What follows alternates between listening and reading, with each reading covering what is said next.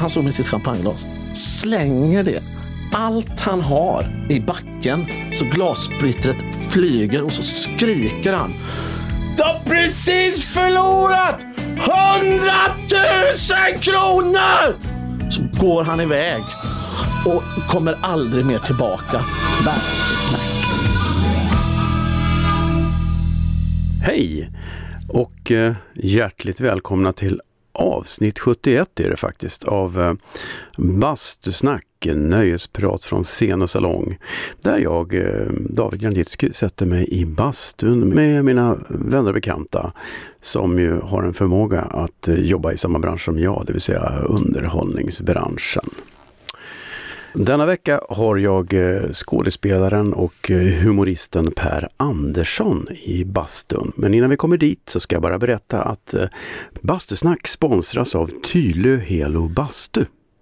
På tylö.se så hittar du allt du behöver för att bygga den ultimata bastun. Eller, om du hellre vill det, ett litet basturum. Du behöver inte ha ett stort badrum för att kunna njuta av ett bastubad.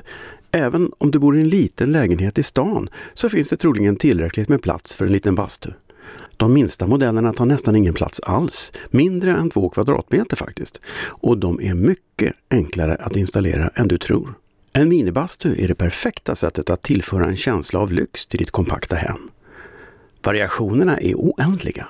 Hos Tyle Helo så hittar du ett rikt utbud av bastuprodukter. Surfa in på tyle.se och shoppa loss. Själv har jag ju ett eh, Tylösens Sport bastuaggregat som jag är grymt nöjd med. Det blir varmt på ett kick så det är lätt att spontanbasta när andan faller på. Surfa in på tyle.se och läs mer. Nåväl, Bastusnack heter podden och den hittar ni även på Facebook om ni känner för det. Där lägger jag ibland upp lite eh, länkar och bilder och bonusmaterial.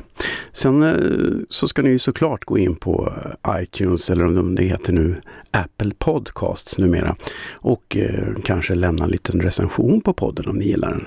Och glöm för all del inte bort att prenumerera i din poddapp för att eh, på så sätt så kommer det automatiskt upp ett nytt avsnitt när jag släpper något och eh, det vet man ju aldrig när jag gör. Dagens gäst är alltså skådespelaren, eh, humoristen och människan och framförallt punschälskaren Per Andersson. Eh, per är ju Ja, det är lite som, man förstår inte när man är mitt i det hur stort det är. Men jag skulle faktiskt vilja hävda att när man ser tillbaks på hans karriär om 40-50 år så kommer han att vara lika självklar inom svensk humor som Carl Gustaf Lindstedt till exempel, eller Hasse Tage, Povel Ramel. Uh, han är ju tillsammans med många andra kamrater i hans generation en nyskapande galning som även har en eh, känsla för traditioner. Vi hade en oerhört trevlig eftermiddag i, i bastun med punsch punch och bastande och även eh, glatt bad i sjön, även om han hävdade att han inte kände sina ben efteråt, för det är ju inte så varmt i vattnet just nu. Men eh, eh starkt av dig att hoppa i Per. Nu ska jag sluta tjata och vi går rakt över till bastun, punschen och Per Andersson.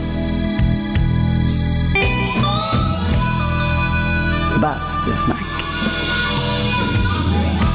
Jag kan inte sitta och slafsa med ärtsoppa här tänkte jag. Nej, punsch och pepparkakor har jag aldrig hört talas om. Det låter fantastiskt. har du inte? Nähä. Ja, du får servera dig själv. Ja, ja, ja. ja. Punchen, punchen, ja. punchen. Och det var på gång förra sommaren. Fan vad nära. Alltså? Men folk har egna vin och sådär. Det var så nära, det var så himla nära att jag fick en egen punch. Är det sant? Ja. Så jag ska börja dra i de trådarna igen tänkte jag. Det hade varit jävligt roligt. Vad ska den heta då? Ja, jag vet inte. Sista spåret var att den bara skulle här, typ eh, Andersson, eller att den skulle heta typ så här, Comic Punch. Punchline. Ja, eller punchline eller vad det nu ska heta. Men det, det, var, ju, det var förslaget. Eller vi var inne på något sånt. Ja, du är ju från Göteborg, då kan man ju faktiskt tillåta sig ordvitsar lite. Ja, får, men det är roligt det där med, med ordvitseriet. Det. Att det är så här, om en, detta har jag tänkt på så många gånger. Om göteborgare, om det är en ordvits, ja. göteborgaren drar ordvitsen, då säger folk så här, ah, fan vad Göteborg. Om en stockholmare med Stockholmsdialekt drar exakt samma ordvits så säger folk så här, kul, smart. Ofta när man är ute med en Stockholmskompis så, så den får den mycket mer cred om den drar en ordvits. Om jag, det spelar ingen roll, jag behöver inte ens dra ett ordvitsskämt så säger folk, fan vad Göteborg. Det spelar ingen roll vad man gör, så säger folk fan vad Göteborg. Ja. Har du jacka på dig? Ja, fan vad Göteborg. Det är höst ute. Vad, håller du på med? Liksom, man har som förutfattad bild. Ja. Ja. Äter du? Fan, fan vad Göteborg. Lunch? Ja, fan Göteborg. Det, är liksom, det spelar ingen roll. Liksom hamnat i något. Folk gillar väl att säga det på något vänster. Göteborg. Ja. Är du från Göteborg? Ja, fan vad Göteborg. ja, okej. Men du har, ju, du, har ju ändå, du är ju ändå en stark Göteborgs personlighet. Du har ju ändå fått Göteborgs eh, kulturpris och har namn på spårvagn och allting ju. Ja, det var, var detta två år sedan. Det trodde jag aldrig jag skulle kunna... Alltså, det, då kände jag så här, nu... Alltså, det, det går med, alltså, jag, var, jag var he- helt så här, knockad. Ja, men jag tänkte, jag tänkte nu kan jag sluta. Nu, är det är Sten-Åke Cederhök. nu är det jag, Sten-Åke.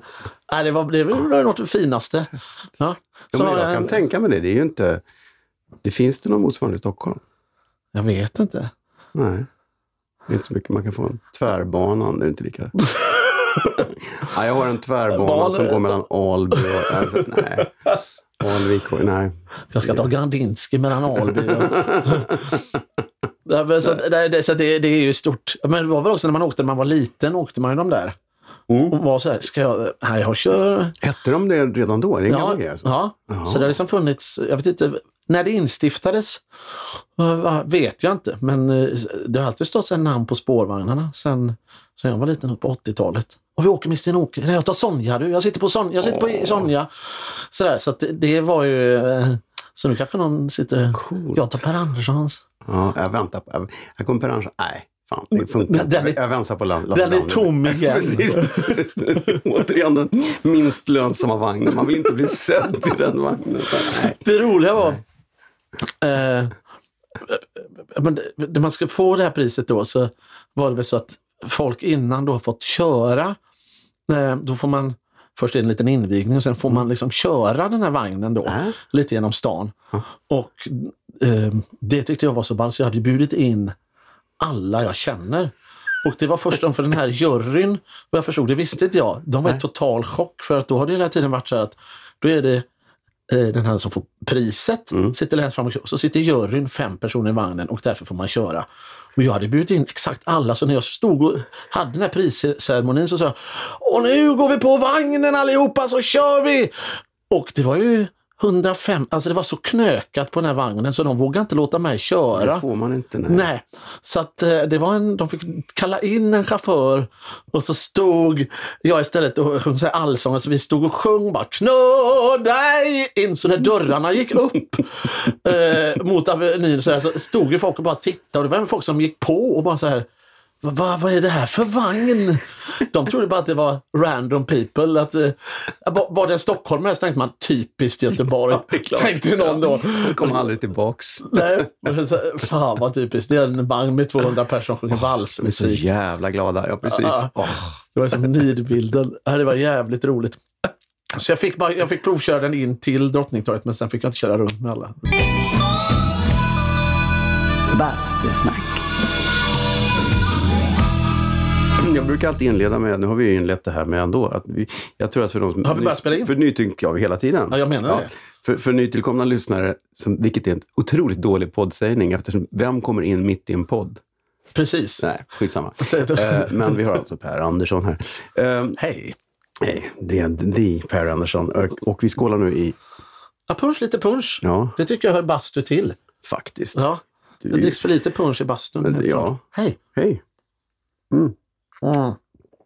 Flagg. Mm. Flagg. Karlshamn. Trevligt. Gött. Men det är inte, finns det en Göteborgspunsch? Det finns ingen Göteborgspunsch. Trosapunsch finns ju och så finns det Roslagspunsch som kanske kan hamna ändå i Göteborgstrakten på något sätt. Vatten, sjö, ja just det. Ja. Jag, har en enorm, jag tror, vad, vad kan det vara? Jag fick när jag fyllde 40, för jag fick en, jag tror det var 12, en 12 liters flaska med Roslagspunsch. Den är enormt stor. En jätteflaska Wow. med punsch. Eh, Den, hur länge räckte den? det, ja, kalaset var på lördagen. alltså på måndag var det ju slut. Ja, ja det är bra. Det är härligt. Ja. Du, jag, jag brukar alltid inleda eh, numera efter att jag fick lite kritik från eh, Anton Berg som ju är min poddguru. Eh, han förstod aldrig min relation till gästerna så jag börjar alltid säga, men hur fan känner vi varandra? Och, och ska jag svara då? Ja. Det, ja, det är bra. Det är en kuggfråga också. Eller är det det? Jag vet inte. Men det är, det är, det är inte alla som vet. Ibland det är en jättebra fråga. Ja.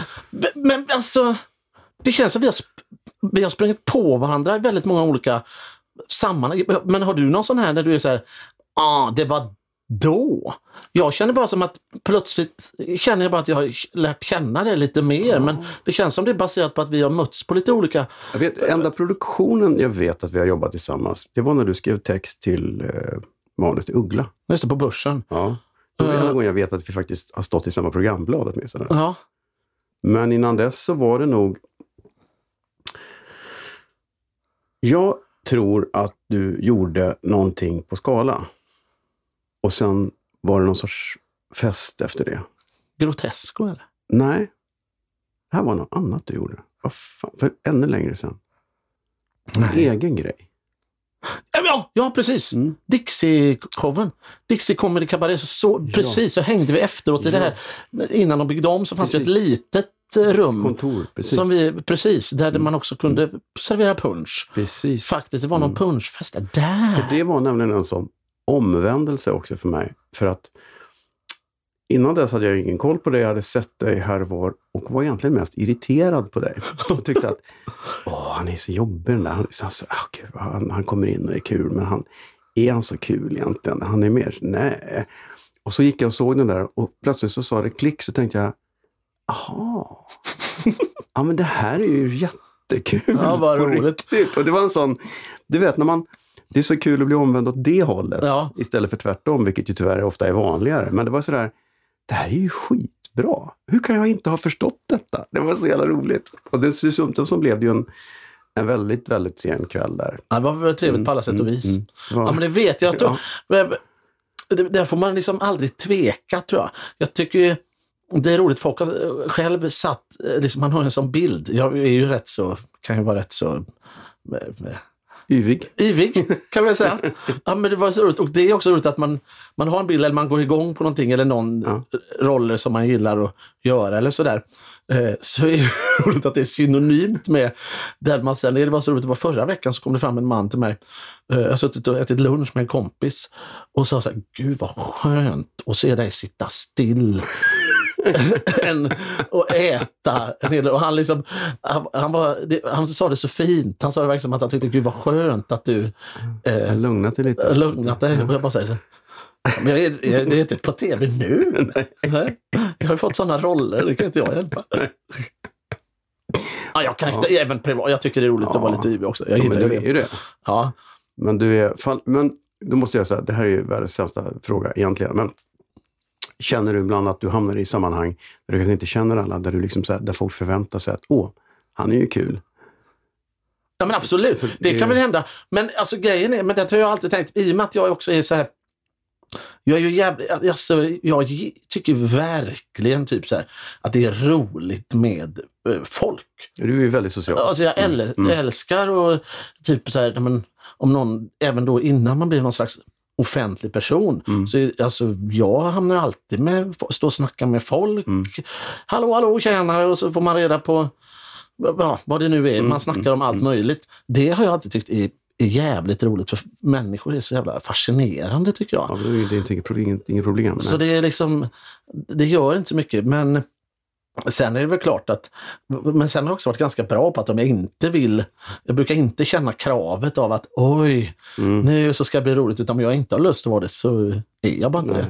Nej. Men jag tycker ibland just, just musiker förstår man att de måste hem och skriva en låt och jobba lite grann, men det finns de som verkar tro att när, man, när det gäller humorister och framförallt kanske folk som har gjort ståupp, då är det bara att trycka på en knapp så kommer det något jätteroligt. Ja, precis. De förstår inte arbetet bakom. Nej.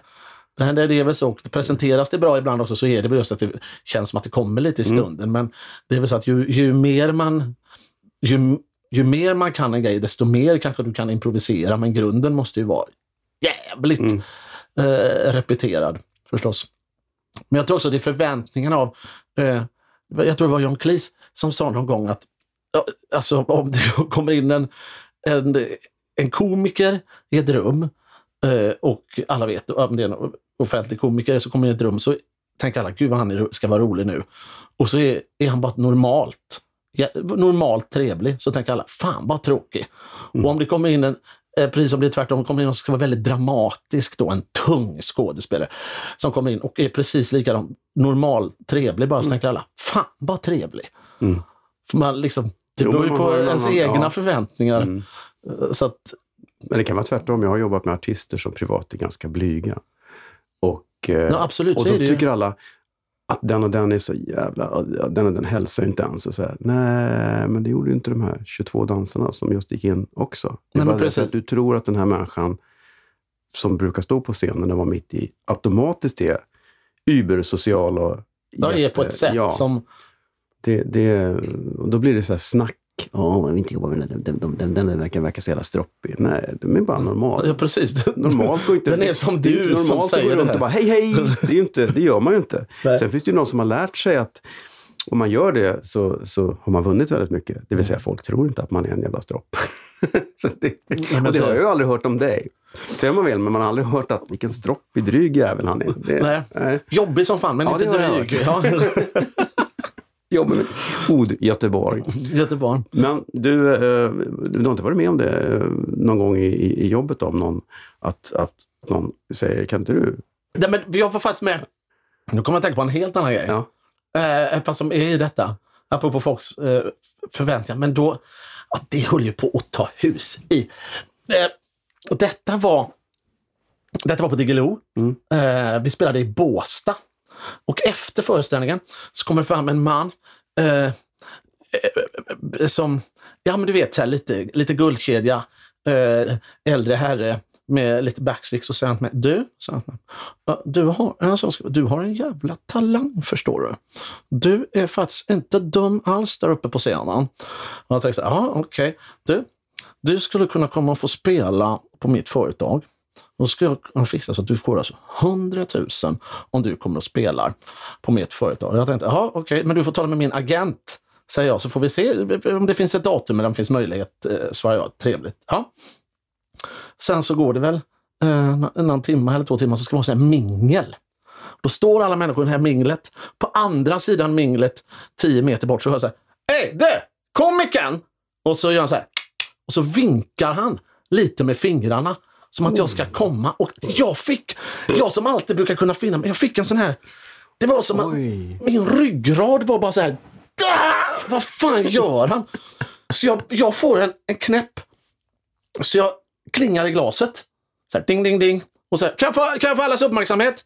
Så jag, kan jag få lite tystnad här nu? Ja. Nu är det så här, förstår ni. Det där som man alltid kommer på sen, så där skulle jag ha gjort, fick jag liksom direkt.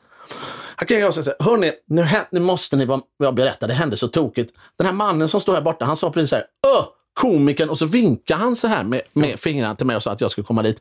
Och det måste vi hålla med om att det är otroligt fånigt gjort.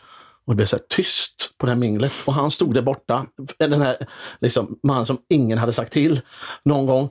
Och så, så här, mitt förslag är till dig att antingen säger du så här, du Per, kan inte du vara bussig och komma hit? Eh, eller så kommer du fram till mig och så säger du så här, jo jag vill en grej. Eller så möts vi bara här på mitten nu och så låtsas vi att det här löjliga inte har hänt. Och det är helt tyst. Och sen slänger han, glöm aldrig detta, ta, han står med sitt champagneglas, slänger det, allt han har i backen så glassplittret flyger och så skriker han du har precis förlorat 100 000 kronor! Så går han iväg och kommer aldrig mer tillbaka. Det, och du bara, det var det värt. Alltså, det var det jävligt värt. Det var, det var fantastiskt. Precis det som man tänker, så där skulle jag ha gjort. Ja. Så jag liksom, men det var nog det var ryggraden. Så jag blev det applåder på det då också? Ja, när han gick så det blev jag, jag tror i alla fall de runt om så det blev en Jag ser verkligen en sån här USA, en sån här film, du vet när någon långsamt börjar klappa. liksom. Nej, det var ju en... Eh, det var en grej. Han hade ju andra förväntningar på något sätt. Ja, och ni har inte, han har inte ringt? Nej. Vi är inte supertajta idag. det ska jag inte säga. Då, då slår vi fast typ att vår bekantskap börjar någonstans vid Skala teatern Så ja, det måste varit skalat. Ja, det var, tror jag var Scalateatern där. För att jag tror inte att jag... Nej, det var nog ihop med Andreas Nilsson. Ja. Vi gick, han hade en extra biljett. Ja. Ah, jag går väl och ser det där. Det var premiär. Det var premiär. Ja. Och sen var det bara så jävla bra. Det var skitkul. Det var verkligen... Det är så roligt när man går och ser något som man inte har någon förväntning på. Nej, men sånt där är Det ju är alltid mycket skoj. svårare. När jag, när jag såg Grotesco, gudskelov var ju det fenomenalt också. Ja, tack. Men, men för det blir ju ändå det att man... Fan, det här med förväntningar är svårt. Ja, det är ju alltid svårt. Och det är just när det handlar om att, folk, att saker ska vara roliga. Det är en sak att man gör en intressant historia, men, men ni har ju hela tiden på er pressen att det här måste vara kul. Folk måste känna det. Folk förväntar sig ett gapskratt. Ja. Ja, men det där är det- Så är man väl alltid. Och där är det ju svårt också för att man får ju liksom... Man, när det kommer till sådana grejer kan man ju bara gå till sig själv. Mm. På något sätt att om jag tycker det här är roligt får jag bara satsa på att det håller. Sen är ju det... Uh, det är svårt, den där klassiska man har repeterat ett tag Ja, och så känner man så här, skrattar. nej ingen Mm. skrattar, det är tyst, en vecka kvar. Var det här roligt? Mm. Det där numret som man, man har liksom glömt av att man skrattar åt det något så in i Det är bänken. skitsvårt. Och så kommer publiken och så skrattar de åt helt andra saker, men de skrattar. Ja. Och det, Och det blir jag, roligt. jag tyckte det var så roligt den här uh, Grotesco jag såg när ni, när ni, eh, när ni en kvart, 20 minuter Ibsen först. Ja. Och det är superbrett. Och det skulle fan kunna vara det, för det är så jävla svårt och mörkt och jobbigt. Och, och det är inte sådär som de flesta hade gjort i två minuter och sen släppt det. Mm. Men ni fortsätter och fortsätter. Och, och jag tycker det är så modigt, för det är ändå så här, man drar det lite för långt. Ja, för det är också en, det är själv, man gillar, eller jag gillar i alla fall när jag går på teater också, när Ja. det blir den här, man blir lite osäker. Ska det vara så här nu? Det här kanske är det de gör. Ja, det blev så här. Ja. Okej. När man är- liksom hinner bli lite obekväm. Vilken obekvämhetskänsla den Ja. är, är det ju skönt när man liksom... Så sitter man och tänker, åh, fast det är ju rätt bra. Ja, ja okej, Ja. varför inte? Ja, ja det var ju det. bra, men, men det var ändå... Ja, mm, det var, jag tyckte det var, var kul. Men det, det, för det är ju lätt att hemfalla till att man gör något för att få ett flabb. Man snubblar in direkt. För att vara, nu är vi igång liksom. Ja, nu kör vi. Men jag tycker det är lite mer sport som ni gör, att, att i den att, att man vet inte riktigt. Osäkerheten är ju ändå det absolut mest roliga, för det, det finns ju något ångestbefriande när skrattet sen kommer. Ja, och det vet man väl själv också, eller så här, i skolan, Ja. den gamla klassiska, alltså, eller när man är barn också, alltså när fröken säger nu får ni inte skratta. Ja, då är det ju omöjligt Mm. att liksom inte, åh, då är det ju minsta grej blir roligt. Och därför är det roligt att öppna med den här monologen också, ju som att man bara säger nu håller vi det Seriöst. väldigt Ja. seriöst Ja. och vi kan inte Fan vad svårt det måste ha varit. Ja, det, det är ju något roligt i det här. Nu får vi inte skratta utan det här är en väldigt allvarlig... Det, det är ju så bara, då blir man ju... Men gör du, om du, har du känt någon gång att du har gjort något allvarligt och så har folk skrattat fast de inte ska? För de tror att det är roligt. Ja, absolut. Det kan väl hända. Eh, det kan väl hända. Nu spelar vi en föreställning som heter eh, Art Ja, eh, på Rival. fan inte sett den. Jag såg den Eh. förra gången jag var här. Det är en jävla bra pjäs. Ja, skitbra. Ja. Den är skriven 98 av en fransk eh, dam eh, som heter Jasmina Reza. Och eh, då har det gått väldigt bra. Det är jag och Johan Rheborg och Henrik Schyffert eh, som spelar den. Och eh, då eh, det har gått jättebra. Det är en jätterolig. De flesta har läst på innan vad det är och allt sånt där. Och den är ju komisk. ja, men det är ingen Men fars. den är, det är ingen fars. Eh, och eh, jag ska Den säga... ju ganska allvarligt. Ja, det handlar Det om jobbigt. vänskap Ja, och den, har några, ja. den är verkligen köttig och Mm, den kan vara mm, den tung och eh, skitbra pjäs. Mm. Eh, och varit väldigt roligt att spela på ett annat sätt också än vad man brukar göra kanske. Varit skitroligt, men då vet man kanske, jag ska säga att 90 procent av gångerna har det gått kanon. Men ibland märker man folk som då tror att det ska bli, nu blir det Mm. krogshow. Och så kommer det, så märker man i första numret att nu är det orimligt mycket skratt här. Ja. För då har de tänkt att nu jävlar, nu blir det åka Ja, av. nu är det Ja. Och så märker de sen att okej, det var inte riktigt den här pjäsen. Och sen på slutet så då har de själva förstått och så liksom kan man ta in budskapet Mm. och vad det handlar om och allt det där. Så kan det väl vara ibland. Vad är det tråkigaste du har gjort? Vad är det mest seriösa? Om man i, i brist på andra ord du har gjort. Men eh, seriöst behöver inte vara tråkigt, tvärtom ju. Men eh, det tycker jag verkligen inte. Men det har gjort mer eller mindre hysteriska projekt. Mm. Som, fast aldrig, aldrig tråkigt. Nej. Men All- allvarliga, seriösa, alltså. Ja, jag kan, det, alltså, det har väl inte regnat och seriösa grejer som men jag gjort, det kan jag inte säga. Gustav Lindstedt gjorde plötsligt Mannen på taket. Ja, Och det var ju sådär, den är ju inte ett dugg rolig, men han är ju, det är ju fantastiskt bra. han är kanon i den. Men du, jag minns ju, du gjorde ju en, en, en, en eh, julkalender där du spelade eh, pappan, va? Hedenhös. Ja, just det. Det var ju en ganska tragisk person. Ja. Så jävla rolig var han ju inte. Nej, nej, verkligen inte. dålig pappa och lite ledsen liksom. Mm. En grå Ja, mus. Eh, absolut. Det vet jag. Det, det var bra. Jag kände eh, regissören Oscar. Eh, och jag, när man ska göra det, särskilt också när man har kopplat på det där. Jag, vi spelade väl någon föreställning då som skulle vara väldigt komisk. Att då hade man liksom de tentaklerna ute. Så för att kunna liksom värja det där så känner man sig alltid så här när man har inte då fått ah, hälla ut sig allting så var, känner man sig lite oförlöst. Så jag hade faktiskt, jag gjorde en deal med honom så att under första veckans, eh, när vi spelade in, ja. så även om vi bägge var överens om att vi klipper här, det kommer tas bort, men han sa inte bryt förrän jag, vi hade spelat klart scenen och sen fick jag alltid snubbla ut bild.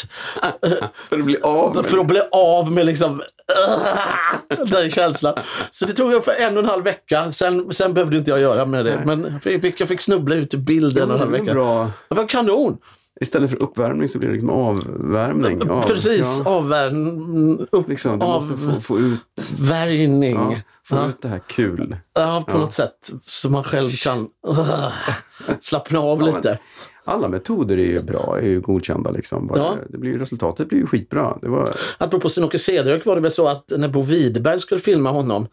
Eh, så eh, han hade sån liksom, komisk speljävel i sig, Sten-Åke, så att han la ju alltid till en liten, en liten vits, krydda till med något. Eh, och eh, sen var han jädrigt bra på att spela allvarligt, men tydligen så var det så att Bo Widerberg tog alltid väldigt många tagningar, så han liksom använde den här utnötningsmetoden. Så första 30 tagningarna satte han inte på kameran, utan han sa "Men vi tar igen. Och till slut, Sten-Åke blev surare och surare och till slut kom han in och bara sa repliken. Och där någonstans, men det tog allt- alltid runt 30 tagningar innan han började lägga ner den lilla kryddan, det lilla den lilla halmhatten. Eh, och sen så la han av den ungefär efter 30 och då tog han 5-6 tagningar och de var alltid kanon. vilket proffs. Det är ju en Ja. regissör. Det är precis så det ska vara. Det är briljans. Vad fan gjorde Sten-Åke Cederhök och Bo Widerberg ihop? Jag vet inte, detta är sent. Jag tror att det är slutet 80-tal någon gång. Jaha. Så tror jag de gjorde Vildanden, tror jag. Ibsens. Ah, Ja, ja, ja. Ja. Den Eh, har inte jag sett. Den måste man ju, undrar om den finns på någon sorts... Om det är tv så måste det finnas på SVT Play. Vildanden. ja, det känns som en play, eh, playgrej. Ja. Googla Ibsen. Googla Ja, Ibsen. det är ingen rappare. Det är en norsk dramatiker. Jag heter Ibsen, jag är dramatik. Ja. Just det. Jag ska skjuta dig med min automatik. Bastusnack. Då hade vi ett korplag i fotboll. Ja. Eh, och då, jag och en kompis, eh, och då hade vi så att vi skulle bara ha eh, vi skulle bara ha med folk som var sämre än oss. För att vi skulle vara stjärnor i laget. Och vi var rätt dåliga. Men vi, det var ett jävligt bra... Vi drog, Så då var Sten-Åke med alltså? då var Sten-Åke med. Nej, men det var lite den känslan, för vi drog ihop folk i Teaterhuset där jag började spela teater. Ett sånt jävla bra gäng. Du vet med skådisar som... Skådisar kan ju också tycka om sport och fotboll, men det är inte alla. Men det var det här gänget som var så här... Eh, men vi hade nå, ett suveränt gäng som spelade med mycket hjärta. Och ing, vi passade bollen åt fel håll, åt alla håll och kanter. Men vi hade alltid en enorm uppslutning. För att vi, då får I korpen får man också byta hur många gånger som helst. Ja, eh, så att det var så här, vi hade otroligt dålig kondition också. Folk kom ju direkt från krogen ner till och slog på sig en sån där skjorta liksom, och gick ut. Det, var ett jädra roligt år när vi spelade. Vad var det ni spelade då för föreställning? Nej, nej, nej detta var alltså fotboll. Jo, ja, jag fattar det. Men vad- Nej, det var från, det? det, detta var i Teaterhuset i Mölndal jag växte upp. Så var liksom folk från hela Teaterhuset. Det kunde vara från alla möjliga föreställningar som rullar, olika teaterföreningar. Så kom folk ner och folk liksom, otroligt dålig kondition. Man bytte, sprang två minuter allt man hade, bytte igen. Så det var liksom mer som ett hockey, det var som ett hockeylag i fotbollsform på något sätt. Fattar, liksom. ja. Första elvan, andra elvan. Ja, verkligen. Sjunde elvan in.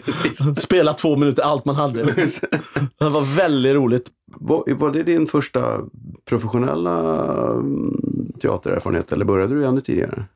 Nej, jag är född och uppvuxen med honom så att vi, när vi började, man, vi började hålla på där i amatörteaterföreningen, MATF, eh, i Mölndal, Mölndals amatörteaterföreningar.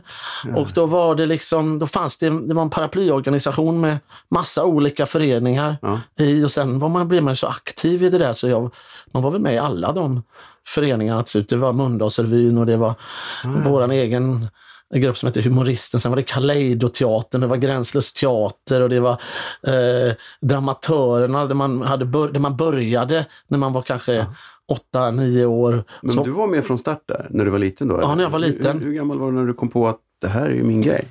För det har du uppenbarligen kommit på tidigt. Ja, jag vet inte faktiskt, men vi, alltså... Har du det hemifrån? Liksom höll dina föräldrar på med? Nej, men jag har alltid tyckt det var roligt. Alltså, jag vet inte, jag har hört så här berättas för mig att jag så här, innan typ, när jag var tre, fyra år spelade jag någon form av revy för min mormor. Uh, och, alltså, vi skrev sketcher och vi gjorde mm. grejer och uppträdde på skolavslutningarna. In, även innan man gick med i teatern. Så tänkte man, får man väl vara med? Mm. Och så var vi några som sökte till någon teaterförening och sen var vi liksom hooked på något sätt. Ja. Sen höll man ju på med fotbollen och allt det där andra också. Ja. Och pingis och allt vad det var. Men ja, vi var 11 år, ta mig fan.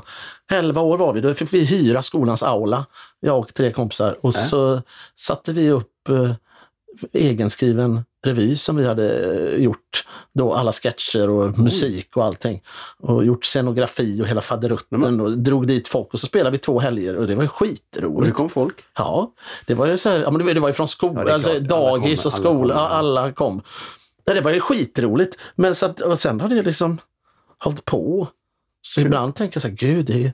Ja, men... Du har mest rullat på, du har inte bestämt utan du bara var inne i det. Liksom. Ja, Ja, men på du har aldrig sätt... tänkt att nu jag kanske ska satsa på teater, du har varit där? Nej, start, liksom. Ja, men på något sätt. Man har alltid ja. tänkt det vore ju roligt men det kommer ju inte hända. Nej. Eller man har stått utanför ja. Lorensbergsteatern och tittat på affischerna och varit så oh, det, det här är de riktiga som spelar sen. Så har man liksom alltid tänkt att ja, det kommer ju inte ske ändå. Nu känns det, när man håller på med det, så, känns det nästan så här, oj, ja. nu är det ju nu är det ju sådär på riktigt. Någon plan B då? då? Var efter nian, var, liksom, var det gymnasiet? Hade du, du studerade till något riktigt? Då? Nej. Nej. Du kan Nej. ingenting annat? Nej, Nej jag är usel. Ja. Nej, men, men alltså du pluggade, gick du? Samhäll. Ja. Bred samhällsbaskunskapslinje. Mm.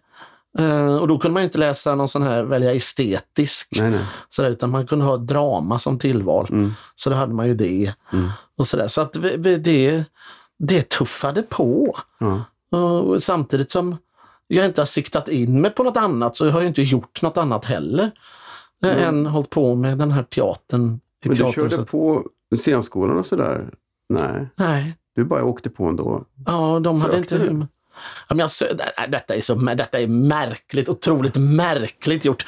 Eh, vi, ja, men det var ju lite sådär jag tycker att det är samma träd. Alltså om det är drama eller komedi eller något sånt där. Alltså det, komedi för att spela komedi behöver du vara kanske en duktig dramat. Alltså, men att du behöver, det måste finnas kött i det också, precis som att det måste det. finnas humor i eh, allvarlig teater. Jag tycker mm. ibland så gör man så mycket för att särskilja det där. Att det ska mm. vara så här, åh, det var privatteater eller det var bara en fars.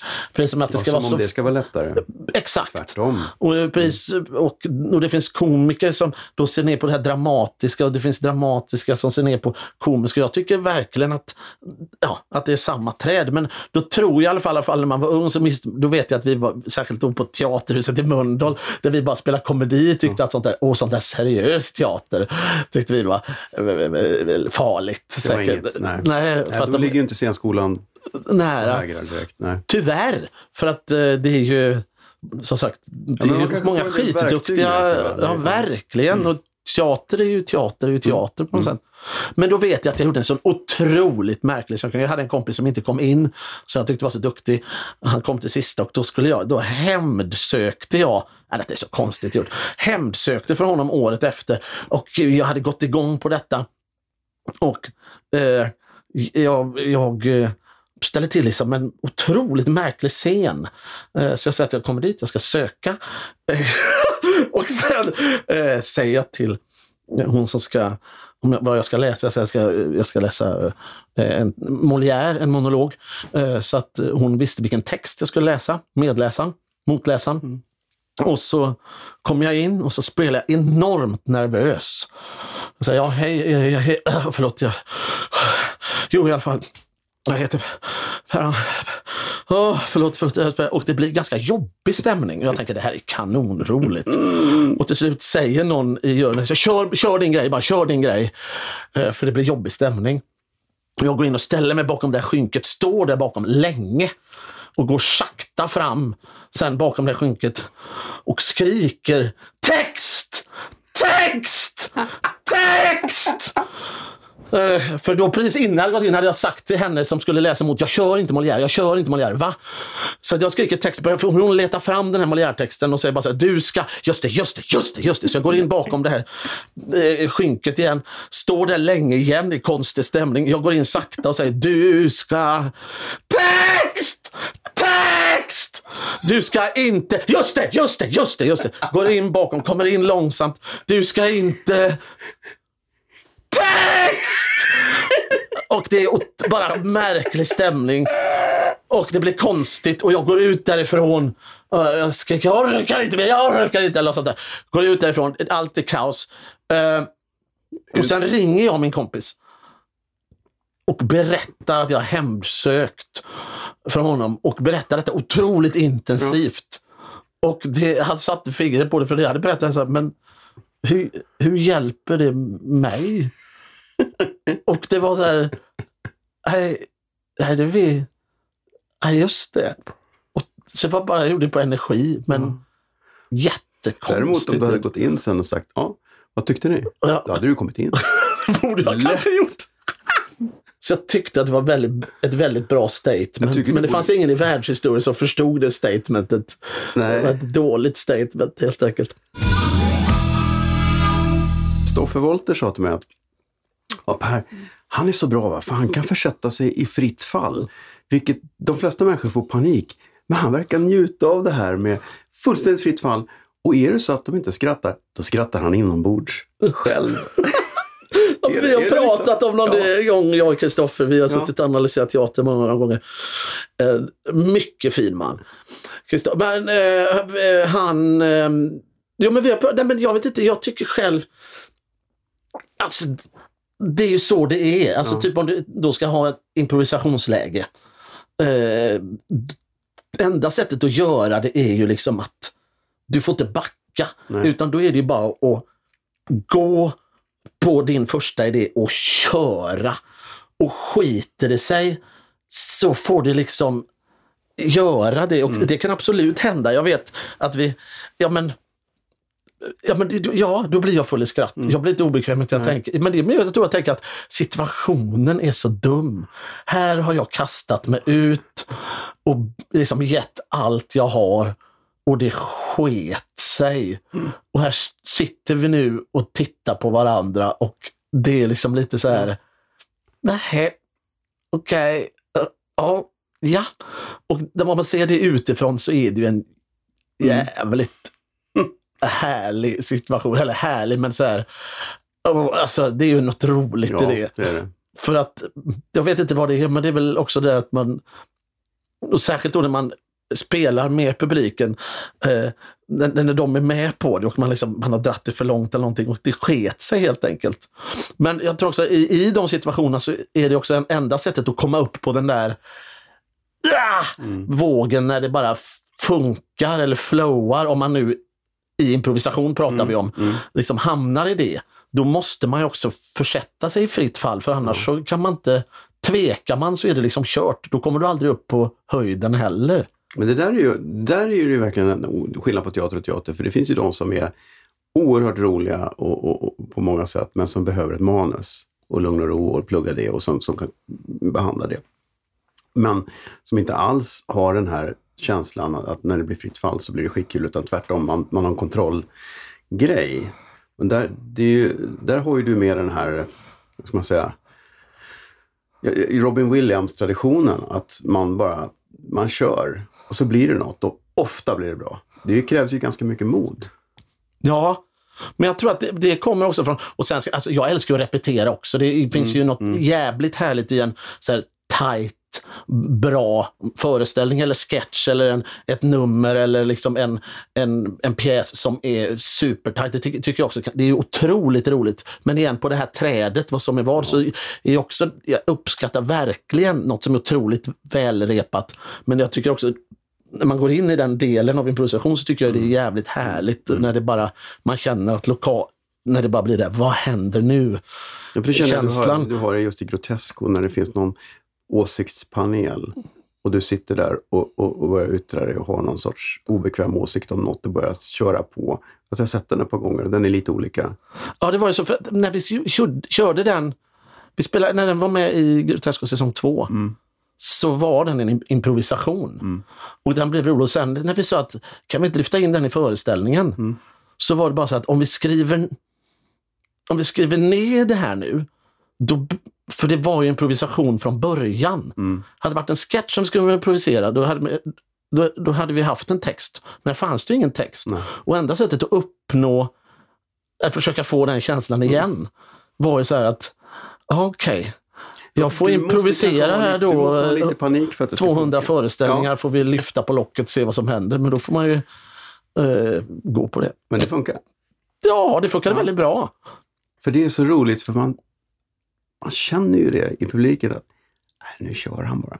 Och kör han bara. Det är liksom, ja, men det är ju en ja. viss känsla. Jag vet någon gång och sen beror ju allt på också, i en sketch kan det funka i en sketch, i, eller vad det är så här eh, i, i en föreställning, om man har en sån före, eh, en roll, mm. till exempel då som i Rock of Ages när jag mm. spelar med, med Christopher Wolter, när, när vi, liksom, då fanns det ju liksom vissa för det första var ju roll, rollen jag spelade var ju som en narr eller som en ja. som kunde gå ut mellan den världen vi levde i och bryta fjärde väggen och tala med publik. Så att jag hade ju tillåtelse i den mm. rollen att bara köra. Och ju mer de andra höll, höll tillbaks, desto roligare ja. blev det när jag, när jag drog iväg. Mm. Mm. Och där var det ju, där var det jävligt fritt mm. några gånger. Men då hade ju rollen tillåtelse till det. Mm. mm. Så att så är det också. Ibland så spelar man föreställningar det bara så här, det här funkar ja, men inte. Book of Mormon kan du inte riktigt jamma loss på det sättet. För det Nej. kräver ju ett flöde som Exakt. Ska, den ska hela Och då kan det också vara, precis, och det kan också bara vara att det var en jätterolig improvisation men eh, det stör handlingen ja. och allt det där. Och då får man ju bara kutta det. Ja. Det får ändå vara liksom så att det inte stör. Men, men, känner du det själv eller måste folk säga Per, det där, det, mm, skit i det? Liksom. Nej, men absolut, jag tycker det är jätteroligt också att hitta den, för det gör man ja. när man letar. Ja. Så kan, improvisationer behöver inte bara vara att, verkligen inte vara så här, nu ska alla komma av sig, eller vad, utan det kan bara vara att i det flowet kan man också hitta jävligt roliga grejer som inte behöver vara att, som lyfter scenen, ja. och när man repeterar, att man liksom leker fram det. det gäller att de andra hänger på, ja. så att det inte ibland för det här med när folk För man vill ju inte störa någon. Det är ju stör. Just de här, man ser att de spricker och så känner man, ja men det här gör de varje dag. Ja. Det är inte så kul. Nej, och det, det, det, det tycker jag, mm. det gillar inte jag heller. Utan ska det komma samtidigt som det är så här, det är det jag menar med också det här att det är, det är ju faktiskt live. Mm. Eh, som vi spelar och det är ju det som är så fantastiskt med teater att det behöver inte vara att du känner att som sagt att någon kommer av sig med bara live-momentet. Mm. Eller att du mm. känner att nu händer något, någonting. Eller att du bara känner att nu har de som nerv här på scenen. Mm. Så att det, det, den känslan går ju liksom aldrig att... Det är ju det som är så fantastiskt live. Det är live. det sällan funkar med tv-sändningar av teaterföreställningar tycker jag. Just när det är föreställningar som har en sån, någon sorts nerv i sig. Ja. Och så gör man en tv-överföring och så ser man den och så tänker man, det var inte så kul. Nej. Det, det, är liksom något som... Ja, det är något det här som ja. händer, vilket också är så fantastiskt. Mm. att mm. ja, Allt annat, inte allt annat, men väldigt mycket konkurreras ut just nu av det här digitala och av eh, liksom all, allt som på Netflix. nätet och allt sånt där. Men teater finns liksom inget som kan, den kommunikationskänslan där och då kan du liksom inte föra över på något annat sätt än, du måste ha varit där då. Men det gäller bara att komma iväg, för det tycker jag är svårt. Men varenda gång man går på teater, jag tycker jag är ganska duktig att gå på saker. För varje gång man sitter där tänker man, fan kul att jag gick hit. Ja, fan vad härligt. Jag håller verkligen med. ofta någon sorts, ah, även när det inte är skitbra så får man ändå någon sorts, för att det är, vi gör något tillsammans. Ja. De där uppe och jag som sitter här ute, vi gör någonting tillsammans. Det finns en överenskommelse och det tycker jag är en... en... Ja men verkligen. Ja. Och det är nerven där och nu som, ja. som gör det och den tycker jag också man ska vara väldigt... Som sagt, men om det händer någonting mm. på en teater, om man kan göra det, Alltså, alltså när man tar in då publiken eller vad det är, när det momentet sker så är det något otroligt vackert i det när man får den, när den känslan uppstår av att jäklar vad det mm. här är nu. Mm. Och som sagt, jag säger det igen, det behöver inte, kom, behöver inte vara att någon kommer av sig, utan det handlar bara om flowet Nej, och energin och mm, mm, som är ju... Vad är det bästa du sett senaste tiden då? Har du något sådär som du, där du kände att här flowar det? Ja! Då ska jag säga att jag var och tittade på eh, Shirley Clamps show i... Hade en premiär i torsdags. Just det, precis på Maxim. Ja hon var så jävla bra. Jag garva som fan och hon hade så jädra fin kontakt med mig. Jag tyckte det var kanon. Det tyckte jag var roligt. Bra. Ja. Good for her. Det är hon så värd. Alltså. Ja, verkligen. Det var skitbra. Ja, roligt som fan och hon sjöng, hon sjöng ju så jävla bra. Det, det var kanon. Så jag blev knockad och tyckte det var, det tyckte jag var jävligt bra. Bastusnack. Vad har du för förebilder då? I det du gör? Eh, jag tycker det finns lite, alltså, det märker man ju, många, alltså, när man börjar och sådär så har man ju sina så här, eh, komiska hjältar. Sen har det tillkommit massa mm. folk. Men alltså, jag var tio år när macken kom. Mm. Uh, och blev knockad av den. Och det var i stan också, i Göteborg. De fanns ju i närheten på något sätt. De fanns ju inte långt borta i Stockholm utan från Mölndal till Göteborg så var det så här, de existerade mm. där och spelade sina föreställningar där. Såg du dem någonsin då? På ja, det var jag såg. Det var ju otroligt eh, stort. De är ju fantastiska live på tv-grejerna också sådär men de har ju en sån jädra fin energi mm. live. Det är underbart att se Galenskapen av Thierry. Alltså Macken var ju liksom äh, en sån mm. grej. Mm. Eh, och sen så, var, alltså, så, så är det ju eh, Tyck, alltså, Gösta Ekman, fantastiskt.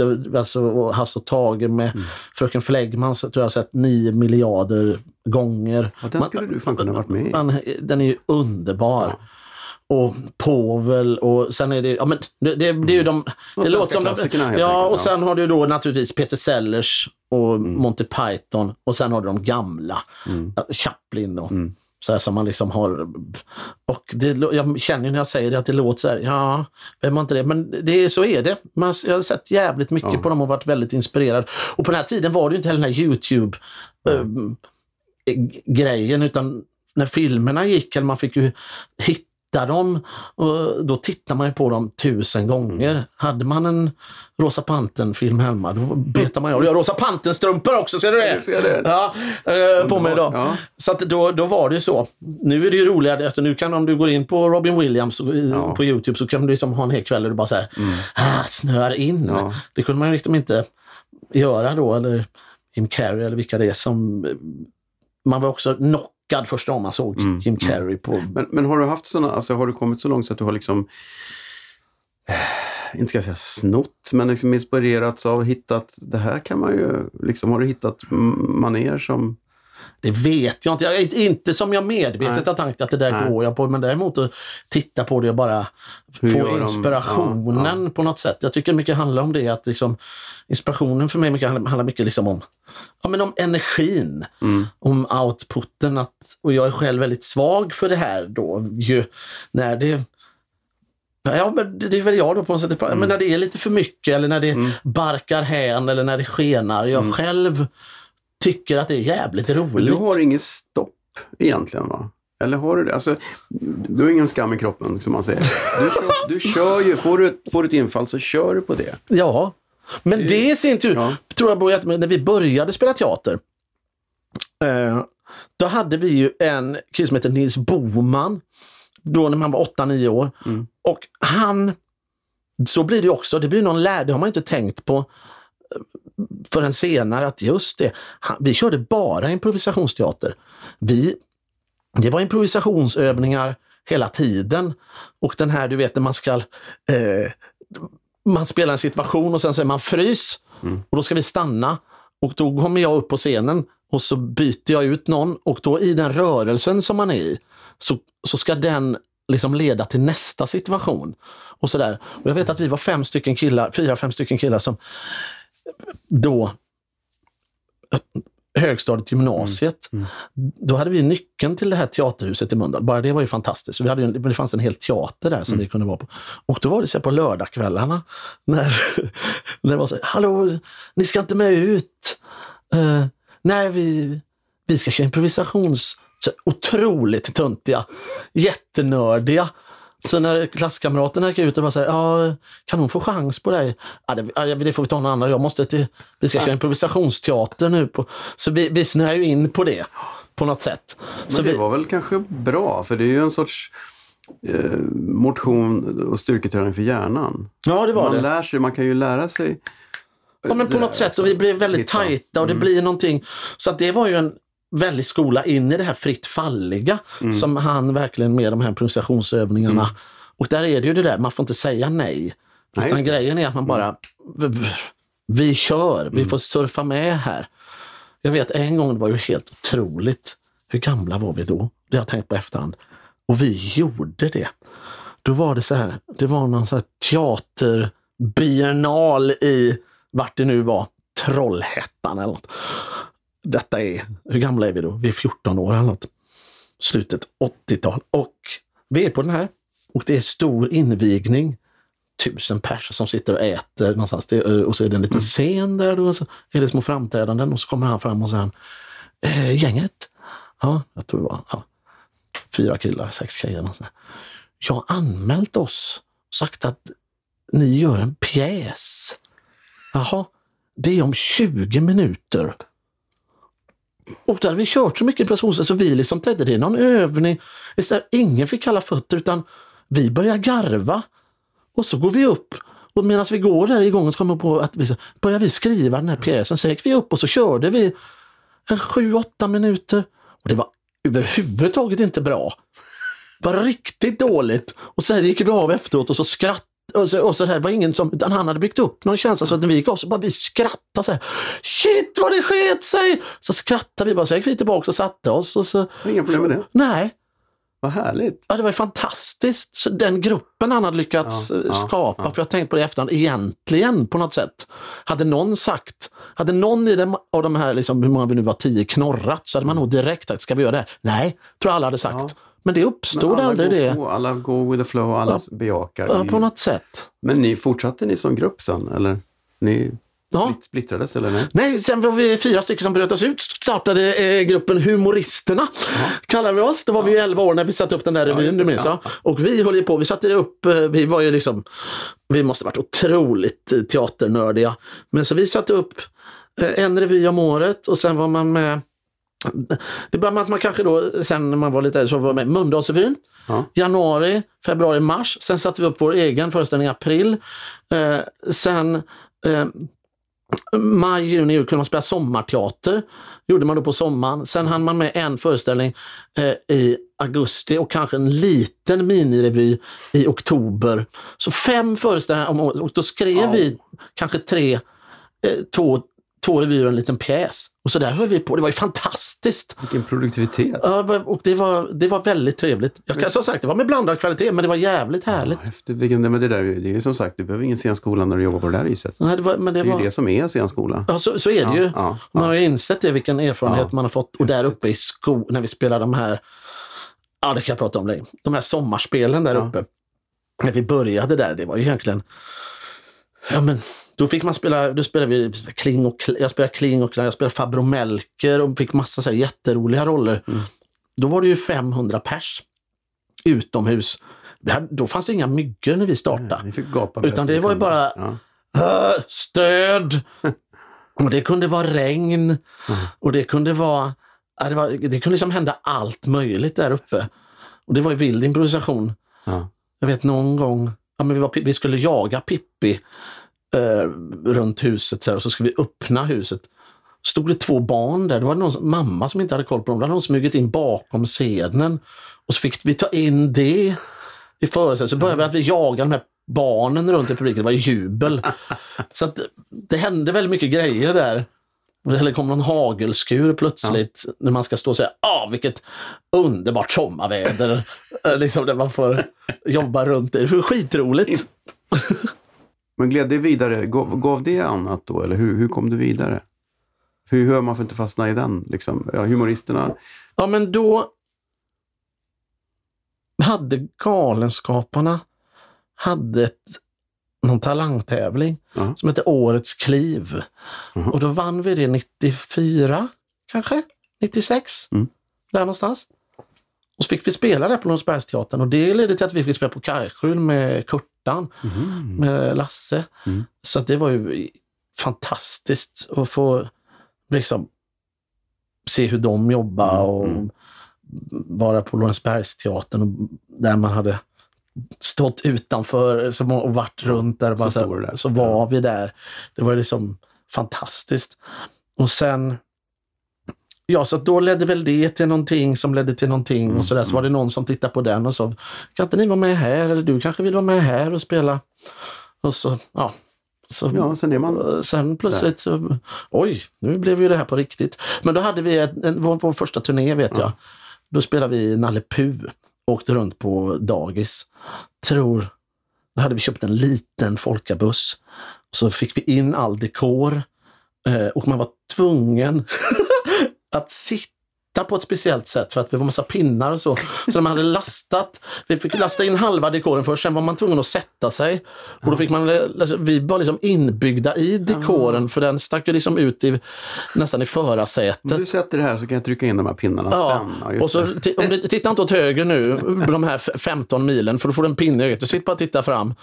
Och så satt vi och lyssnade på eh, Lasse Dahlqvist och åkte Sverige runt. Vi spelade nog ett och ett halvt år. Jag tror vi spelade fan, spelat 300 föreställningar mm. eller något sånt där. Wow. Rodda allt själva och mm, åkte Hårt. flera mil och till något dagis, rodda upp. okay, de, fanns det någon som helst ekonomi i det där? Ja, det, men det, vi själva ringde ju. Jag tror jag vet inte hur vi, innan det så satt vi ett halvår. Jag tror vi ringde all, det var också så här innan mail, utan vi faxade. Ringde alla dagis, de fann tror jag hela Sverige. Mm. Satt och ringde bara wow. hur många samtal som helst om dagen mm. och så skickade vi över vår lilla fax som vi hade gjort själva och så hade vi ett erbjudande. Det var billigt, jag kommer inte ihåg faktiskt vad det kostade men mm. så att det var ju på mängden vi fick ihop ja. det. Och hur gamla var vi då? 20, 21, så vi hade ju inte så stora krav. Dagen då kanske? Ja visst, så ja. var det ju. Ja. Så då kanske det var en föreställning klockan 08, en klockan 10 och en klockan 12. Och då började den ju 08 så fick vi vara där 06.30 mm. och börja rodda upp hela det där. Fick man åka 04 från hotellet. Men alltså, då åkte vi runt i vår lilla husbil genom hela Sverige. Kul. Ja, jävligt roligt. Men det höll, det höll så pass länge alltså? Ja, det höll på och det fortsatte ja, ticka ja. efteråt. Men efter, efter ett halvt år så kände vi att oj, nu, får vi, nu ska vi göra något annat. Men mm. det var ju mm. det var jäkligt roligt. Och att det gick på något sätt. Mm. För vi hade ju inget produktionsbolag i ryggen utan det var huvudet, en som var med och spelade. Mm. Min, äh, min äldsta kompis mm. Martin, han, det var ju liksom numret som stod på affischen var hans mobiltelefon. Mm. Och då var det upp med affischer och så spelade vi på dagis och ibland då om vi spelade då kanske i någon eh, stad så spelade vi efter då kanske på någon teater på mm. kvällen eller på helgen. Så det var ju... Mm. Är det någon av dem som du fortfarande jobbar med någonting eller har de skaffat sig eh, inom citationstecken riktiga jobb nu? Eller, Nej, det var jag över huvudet. Han eh, eh trollar. Ason ja. Besan Cesson heter han. Han ja. är eh, trollkarl så han åker runt och trollar på... Han har vunnit SM i bantrolleri tror jag, två gånger. Aha. Så han kör det racet. Sen har Kenneth Bodin som är stor eldsjäl i, i Nyköping. Spelar teater där så han ja. håller på att skriva farser och stadsvandringar och revyer och allting där uppe. Uh, Mm. Så han blev, jag vet inte hur det kom sig, men han blev kär i Nyköping så jag ska flytta hit och sen så har han bara kört järnet där. Så att de håller på fortfarande. Det hörs ibland och tänker, ska vi göra något någon gång? Absolut. Och så hörs vi tre år senare och säger, det ska vi absolut. Du vet hur det är. Jag vet hur det är. Ja, det är som, ska vi ta en öl? Men man vill Ja. ju det samtidigt. Ska du komma till bastun? Absolut. Absolut. Det är väl två år sedan eller något. Ser. Plötsligt händer det. Det är det som är så fint. Ja. Det har blivit dags för Skämskudden. Herregud vad pinsamt. Skämskudden. Nej, inte den där gamla demon. Mitt stora problem också är att jag skäms ju inte. Nej, Jag har ju ingen skam i kroppen. Nej. Du sa det ju Nej. själv. Nej. Jag har ju aldrig skämts. Men, men någonstans måste du ändå ha gjort någonting där du själv har kommit fram till att jag har en grej. Men det var ju omständigheterna. ja, Men det var inte klokt egentligen faktiskt. ta lite mer punch kanske hjälper. Ja, jag, jag talar ju så här för att du skall servera punsch. Jag hoppas du förstår det. Är så- jag, det, det här är ren, det här är bara, ren och skär utpressning. Ja, Ja. Den är snart slut. Bra. Du får slumpen. Hej. Hej. Ah! Jag har druckit punch. Jag satt en gång på ett hotellrum i Göteborg med två andra. Peter Harrison och Dan Ekborg. Peter Hansson har jag hört punschrykten om. Men det var en, det var en sån här kväll när vi, vi var nere och gjorde en föreställning. Satte upp något, på Lorensbergsteatern faktiskt, någon, någon, någon Stockholmsgrej som skulle flyttas ner dit. Och, och vi satt och drack på något hotellrum punch på ett sånt sätt så att jag, jag hade aldrig varit med om att folk kunde dricka punch på det sättet. Men alltså jag, jag blev ju sjuk innan jag blev, kände punchens övriga verkningar. Så det var ju väldigt konstigt. Jag var typ 22, jag var inte riktigt lika med i matchen som de herrarna var. Men det var, det var en upplevelse. Jesus. Ja. Men du, ja, du får pröva att dricka. Jag tog min värsta, mitt längsta uppehåll från punchen. Ja. Ska berätta detta. Jag kan berätta för det var så absurt. Ja. Jag hade spelat föreställning på Chalmers. Eh, två föreställningar. Kommer ut eh, efter dubbla på lördagen. Och jag vet att det var stressigt till matinén. Mm. Och sen var jag så uppe varv mellan, det var så här kort paus mellan. Så jag hade inte hunnit äta. Så jag hade ätit på hela, så jag blev bara så panikhungrig. Så efter föreställningen har jag spelat dubbla och då kom jag på, jag, ju, jag har inte ätit på tio timmar eller något sånt där och spelat dubbla. Vad ska jag göra? Springer, bara så, får så här akut hunger. Får nästan ont i magen av ungar, Släpar mig ut. Vi spelar på Chalmers. Ser, då ska, har de någon sittning där. Och de har dukat upp ett helt bord med punch. Och jag tänkte, jag, jag, får, jag får dricka mig på punch. Så jag går bara om, sölar i mig eh, glas efter glas efter glas och blir så här, Jesus Christ. Då blev liksom det, från att vara jättehungrig till så gud vad mycket punch jag druckit, det är helt sjukt. Fick jätteont i magen, åker hem, ah, somnar, sover typ 12 timmar. Vaknar upp, oh, har jätteont i magen igen, släpar mig till toaletten, sätter mig då. Och så säger det puff, puff, och kolla, då är det som en sockerlag. Bara. En stor vit skit. Bara som sket socker. Det, var en, det var helt otroligt. Bara som en- Det hade klibbat ihop ett kilo socker bara helt direkt i. Och då kände jag att nej, det blir aldrig mer punch. Och det blev det ju inte på två veckor då. Så då var det, det var ett uppehåll. då hade det varit uppehåll. Herre, hur fan tänker man om man ska dricka sig mätt? Nej, men alltså, allt var liksom i, i affekt. Jag är jättehungrig, jag måste ha mat nu. Det finns ingen mat. Ah, punch. Åh, jag dricker allt jag. Åh, jag måste sova. Jag sover. Ah, och jag äter ont i magen. Ah, jag måste gå på toaletten. Ah, sockerlag. Ah, Okej. Eh, idiotisk historia. Ja, bad idea. Ja. Verkligen. Ja. Vad, det var något innan här. Jo, vi, du skulle börja berätta om, om din skämskudde här. Vi ramlade in på punchen här, men du... Ja, men då var det så här. Då, då spelade vi in eh, ett program som heter Hela Sveriges fredag. Som gick för några år sedan på tv. Mm. Det blev inte bra. Mhm. Det, det, det var en sån här grej som sket sig, som efteråt, man sätter sig nej. Då fanns det en eh, holländsk förlaga. Och när vi såg den, eh, det var ju Annika Andersson, vi tittade på den och sa vi, det är bra men publiken är för hysterisk här. Som svensk blir man lite rädd Mm. för publiken. Det där är en grej vi måste tänka på. Och sen kom vi till inspelning. Eh, Ja, det, ja, men jag kan berätta, jag kan fan berätta detta. Då hände det, då skulle vi ha, eh, då ska vi alltså spela in ett program, varje inspelning i tre timmar. Och det skulle finnas ett stödmanus som vi kunde arbeta runt. Och eh, han har skrivit manus, eller de som har skrivit manus, vem det var, eh, hade gått, han gått in i väggen. Eh, och det här förhalas hela tiden. Så det är så här, jaha, eh, när kommer manus? Det är på gång! Ja, okej. Okay. Och sen är det så här, nu är det fyra dagar kvar till inspelningen. Nu måste vi ha något alltså, så vi har någon grund här. Jajamän, det är på gång. Sen kom det här manuset. Och eh, jag vet att jag, så en blandning av, jag skrattade samtidigt som jag grät. Jag låg hemma i soffan så Då var det eh, tre månader har manuset skrivits. Eh, och vi fick ett brev hem, sprättar upp det och då är det två repliker i det manuset. Och då står det eh, om, eh, om det är för svåra regler kan Annika säga. Nej, jag får nog gå hem och deklarera. Det var hennes skämt.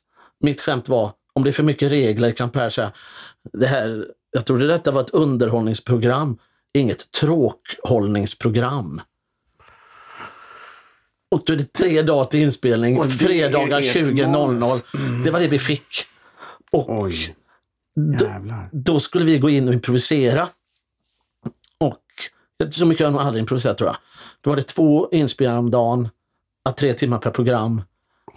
Och moment, vi fick improvisera allt, så det var sex timmar improvisation. Eh, plus då att den här publiken eh, och de var fantastiska, men de var uppeldade till skyarna för de hade gått på det holländska. Så någon hade värmt upp dem ordentligt? Ja, så att det var, stämningen var så otroligt hög. Ja. Samtidigt som jag, och jag, då blir ju det dumt med att mm. man improviserar och är en människa som inte säger nej. Jag borde ju sagt så här, mm. nej hörni, det här får vi nog, vi får klippa detta. Men det är också jävligt jobbigt att det är tv. Ja, det är tv. Finns det där. Och sen är det på Youtube. Ja. Och sen är det, det är liksom, man blir Så vill man se mig där jag själv, jag vet inte vad gränsen är mot när jag gör något annat. Men, men jag, vet, jag vet bara att det var otroligt, inte så här härligt förlösande, utan jag var helt mm. slut och åkte hem och var en liten våt fläck. Och också var så här, nu, nu, ska, jag inte, nu ska jag inte backa, Nej. utan nu kastar jag mig i den här torktumlaren. Så jag, jag, eh, men då visste du redan när du gör den att det här funkar inte? Du kände aldrig att nu kanske vi... Nej, Nej. jag sprang runt sådär som i, i, i galenskap och spelade ut allt jag hade och var död efteråt. Och sen gick det på tv och det var väldigt otroligt sågat. Och det var så här, vad men att är det inte finns en producent i det läget som bara säger, nej men vi, vi har visserligen spelat in det här men vi kommer inte sända det. Nej, eller bara så här, vi, och också så efter första programmet kan man säga, vi gör mm. de här justeringarna. Tut, tut, tut, tut, så ska vi nog kunna, mm. för med lite justeringar tror jag, tror jag fortfarande att det hade kunnat bli mm. schysst. Mm. Men det var ju en när man hamnar i något som man inte kan Nej. Rå för. Och jag är just, mm, där tycker jag, det kan jag ångra att man säger lite, jag ska ha haft lite mer stak och säga hörni, ja. för fan, nu tar vi samlar ihop oss och gör ett möte och så ja. ser vi vi kan få flyg på detta eller vad vi kan ändra. Men, Men är du bättre på det nu? Det, något bättre. Känner du fortfarande ibland att du är för snäll och att du fan, nu hamnar den här? Ja, det kan hända. Men jag har svårt att säga nej. För, men jag tror också att det beror lite på det där av att men det är klart att man kan berätta på säga nej. Men har hänt, man har gjort så många roliga saker då när man har sagt ja till saker som man inte riktigt vet heller. Mm, eller mm. som då när man skriver sketcher eller man skriver pjäser och sådär. Så är det ibland det där flowet, en sak som man känner, jag vet inte, men när man säger ja och jobbar runt det så kan man komma i en positiv spiral. Mm. Man försöker lösa det istället. Ja, precis. Ja. Det där liksom. Och då kan ju det bli något jävligt fint av det. Mm. Istället för att bara säga nej, det går inte. Nej, då låser ja. man alla dörrar och då blir det ingen kreativ miljö. Men har du någon Men... gång klivit av ett projekt så där du känt att det här kan jag inte göra? Nej. Nej. Du, har, du går all in. När du är där så är det, det är lojalt. Jag är lojal. Det är ganska sällan folk kliver av, men det händer Jag fullföljer. Det, ja, det men händer det... att folk säger att det här, det här, jag går hem nu. Liksom, det här finns inte. Nej, och då är det oftast rimligt. Men det är också roligt just som artisten. Det är också roligt att då faller det ibland på artisten, men det är ju liksom när hela... Ibland är det ju bara så att produktionen har skitit ja. sig på, på grund av ena eller andra mm. anledningen. Mm. Men där ibland borde man väl bara ha modet, eller att alla borde bara se, så här är det. vi pausar en vecka så Mm. kanske vi bara kan Det få det så på rätt köl. när det väl kommer så långt så har, ju, så har det ofta stötts och blötts. Ja, i faktiskt regel har det gjort det, gått igenom massa tvättar. Men ja, den grejen, det Mm, kan väl säga att det var Det inget du har överst på CV. på ett sätt. Men eh, nej. Åh, jag måste berätta en kort Ja, grej ja, ja. Den här tar jag också. Den här Ja, var inte ja. Ska vara med i ett annat tv-program. Och då skulle vi spela in sketcher uppe i Åre. Minns jag. Så vi åkte upp till Åre och eh, manuset ska vi få där. Det är inget konstigt med det, det kan man få när det är sketcher. Men då visade det sig att det var, det var inte sketcher utan det var mer så här. Eh, här- så här står det alltså på manuset och detta är manuset. Ja. Mellan 10 och 12. Per går in, då har de en simhall där Mm. i år. Per går in i simhallen och reagerar på hur stort det är. Det är mellan 10 och 12 skulle jag reagera. Åh, oh, oh, vad stort! Det var ju klar liksom. Det var, det var sketchen. Och sen var det sketch och sen var det lunch. Och sen mellan ett och tre då fanns det, ett, då fanns det en pool som visade, då kom det olika färger i vattnet. Då skulle Per reagera på färgerna i vattnet. Det är Då, fascinerande. och så läser man så, så, är det något manus det där? Nej, det är det. Va? Va? Det är ju, det är ju fan... Hur, hur löste du det? Då? Nej, vi, fick, vi, vi fick säga då att vi får, vi får nog sätta oss och börja skriva lite sketch, något att jobba på i den här miljön, så får vi improvisera lite kanske runt ska ha det. med någonting som är kul i sketchen också. Ja, eller ha någonting Kan det vara en alls. tanke? Ja. Kanske, det kanske börjar med att jag reagerar på att det är stort, men vad händer sen? Nej, det, är, det är ju mer som ett konstverk på något sätt. Det är kanske ett clickbait. Ja, Per går in och reagerar på hur stort det är. Du kan aldrig ana vad som händer sen. nej, det kanske är så. kan. Eller så kanske det blir enormt roligt Ja. om man bara står i två timmar i realtid och reagerar på något som är otroligt stort. Eller på en färg, man reagerar på en färg. Ja, det var, Mm. det var outstanding. Mhm. Har du en gräns? Alltså, när är det too early? Jag kommer ihåg när Estonia-katastrofen var så var det väldigt mycket snack om när kan man börja skämta om det? Ja, alltså så här är det väl, tycker jag. Alltså, det där är ju en, en, både en tycke och smaksak naturligtvis, men jag tror att skämtet också ibland är det är väl olika också hur man är, men jag upplever att skämtet i situationen också är verkligen förlösande.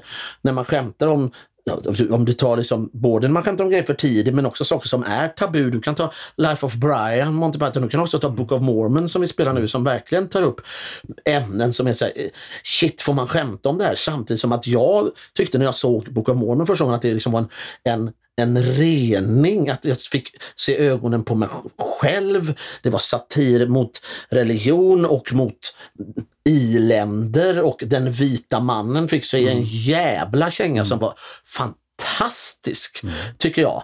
Och det tycker jag är det var brill, briljant genomfört av eh, Matt och Trey Parker, alltså South Park-killarna som har skrivit Book of Mormon. Jag tycker det är ett bländande manus. Så allt beror väl på hur det görs. Mm. Har, du någon, har du fått skit för något någon gång som, där du har sagt något och gått för långt? Ja, det händer väl emellanåt. Absolut. Men har du känt att det har varit rätt att oj, eller kan du stå för det? Ja, absolut. Ja. Och, sen, och sen är det ju så också att humor är ju känsligt. Ibland kan man skämta saker som man inte ens förstår att någon kan ta illa, för, alltså Nej. illa vid sig för. Så är det ju alla... Det kan ju vara någon så här, ja, jag Mm. hade faktiskt jag hade gråa jeans när jag var ung och det var, det var ett trauma för mig. Mm. Men det Jaha. finns ju det klassiska citatet att man kan inte hålla upp en synål utan att den ena jävel tar illa vid sig. Så är det ju lite. Ja.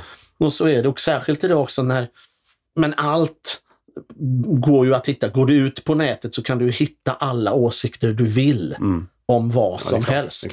Och där får man väl också vara lite restriktiv. Alltså jag menar, att folk inte gillar det man gör tyder ju också på att det finns lite bett Ja, i det tycker jag. Då är Har inte du, har du någonsin kollat upp dig själv på Flashback? Nej, inte Flashback, men jag vet Mm. att jag så här typ man har, ju, man har ju sina sämsta, det tror jag då alla har, särskilt om man, om man kommer från teaterföreställning, då får du ju liksom svar direkt från salongen. Mm. Och sen när du är med i någon tv-serie samtidigt som du spelar teater Och så har man sett på det där, man har lyckats då, "Åh, nu ska jag sätta mig och titta, så är man lite nervös. Och så rullar eftertexterna så är det ingen respons. Mm.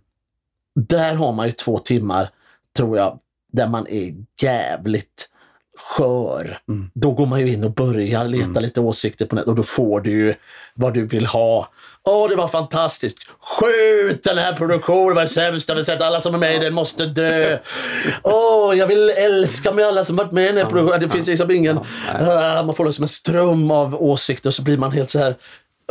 Det finns ingen hejd på det. Där, det är, är ju där är man ju skör. Det är ju Alltså. ändå ett bekräftelseknarkaryrke du har valt. Ja, men Även så- om det är kul så vill man ju att det ska... Ja, och det är väl klart också, och det förmodar jag väl är med allt man gör. Alltså, när man gör, gör man en sak så vill man ju att det ska synas.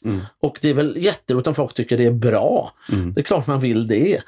Samtidigt som att man vill ju inte bara alla ska säga en liten tumme upp och säga ja, det var väl trevligt. Men det är väl nästan det värsta. Ja. Ah, Okej. Men vadå? Liksom, Ja, är det bra Hellre att någon säger jag Ja. fattar ingenting. Nej, precis. Det var det konstigaste Ja, jag sett. Det är ja. mycket bättre. Så än, där. Det är Ja. fruktansvärt faktiskt. Ja. Ljum. ja, varför inte? Ja, ja. Man har jobbat hårt i sex veckor. Ja, man har slitit rör och så skrivit manus ett år. Ja. Och liksom... Ah, det var väl okej. ja. Har du någon punch? Ja. Vad fan gör du när du inte håller på med det här? Har du hobbys? Eller är du som alla vi andra som bara ser på Netflix? Eller skriver en ny pjäs? Jag ser på Netflix, skriver en ny pjäs. Ja, Men det ska ju det ska köras till träningar och det är ju allt sånt där fixa och dona. Och du är som vilken småbarnsfarsa som helst. Ja, gå hem och skrota och ja, det är ju det. Eh, Du har två kids. Köra till matcher. Ja, Ja. Har de visat tendenser till att, att göra som du? Eller vill de inte hålla på och vara skojiga? Jag vet inte. De, de, de är jävligt, jag måste säga att jag tycker själv att de är väldigt roliga. jag, jag garvar. De, är, de har bra punch, tycker jag. Ja. Ja, de är slagfärdiga. Men eh, nej, äldsta sonen kör mest basket. Y- Yngsta sonen han, han är periodare så han kör så här, nu ska jag lära mig trolla. Då gör han det. Så han kör trolleri och sen nu är det, och han är jävligt duktig. Han, han har börjat här, pro- producera musik. Mhm. Alltså han sitter hemma med appar och grejer och ja. får ihop beats som är jädrigt bra. Så äldsta sonen har börjat skriva rap. eh, Så de, de gör raplåtar ihop. Mhm. Ja. Men du har inte känt att du får vara med? Eller tycker de att du är pinsam då?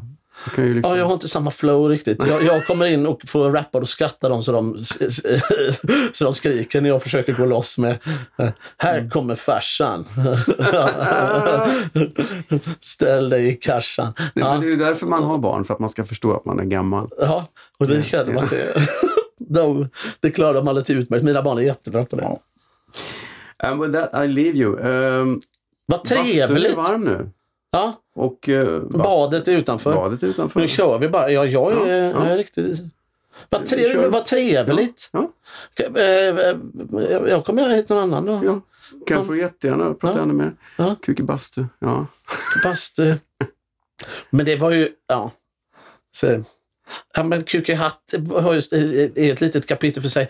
Men, ja, men det, det var sist jag spelade på en jag gör inte så många företagsgig ska jag säga för att det krockar ofta när man spelar själv. Men så var, jag gjorde ett för ett tag sedan. Eh, Så tänkte jag, alltså jag bestämt innan, nu kör jag inte den. Nej. Nej. Och eh, det, jag vet inte hur många, hundra Ja. eh, kvinnor som män Mm. har spelat hela föreställningen och så, och så var det jubel, det har gått bra och så, var de så, och så frågade de, vill ni ha något extra nummer? Och då börjar alla. Kuk i hatt! Kuk i hatt! Och jag bara nej, jag hade, nej, jag, nej, jag, ah, okej, och så rev jag av den. Men det funkade, det var roligt. Men den är liksom vad Björn Skifs har med hooked on feeling. Han kan ju inte, han kan inte göra något utan att göra hooked on feeling. Du kan, ja. Ja, jag, Någon kan, gång ja, någon gång kan jag Ja, göra det utan ja. kukatt. Men, eh, nej, men det är väl roligt. Den är ju den är trevlig. Det är klass. Den lättar upp. Ja men Per, tack snälla. Ja, stort, Så, stort att vara eh, här. Ska jag trycka Det på. kan jag reagera på. Och det är ingen, nej, vi har inte outat någon, vi har inte berättat om. Nej, Nej. det är inget som du känner att det här kan vi inte ha med. Jag har tre stycken jag vill hänga ut, men det Ja. tar vi i, det tar vi i Okej. badet. Nej, men stäng av för att det är slut. För Kristoffer. Nej, men, men stäng av, stäng av. Ja, och eh, jag skulle ju så gärna vilja berätta vad han kläckte där på slutet, men jag har ju lovat. Det är ju hela idén med den här podden är ju att eh, inte outa det som inte gästen vill outa. Så att, eh, men ja, jag fick en del eh, sköna sanningar i bastun, måste jag säga. Det var kul. Tack för dem Per! Och tack för besöket! Och tack till sponsorn ska vi säga också. Bastusnack sponsras ju alltså av Tylö Helo Bastu. På tylö.se så hittar du precis allt du behöver för den ultimata bastuupplevelsen. Infrabastu, ångbastu, elbastu och vedeldat. Allt finns.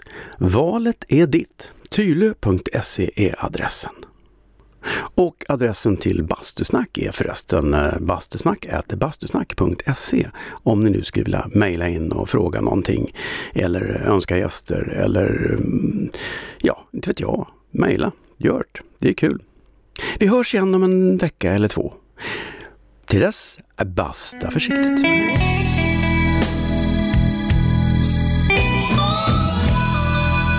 Bastusnack.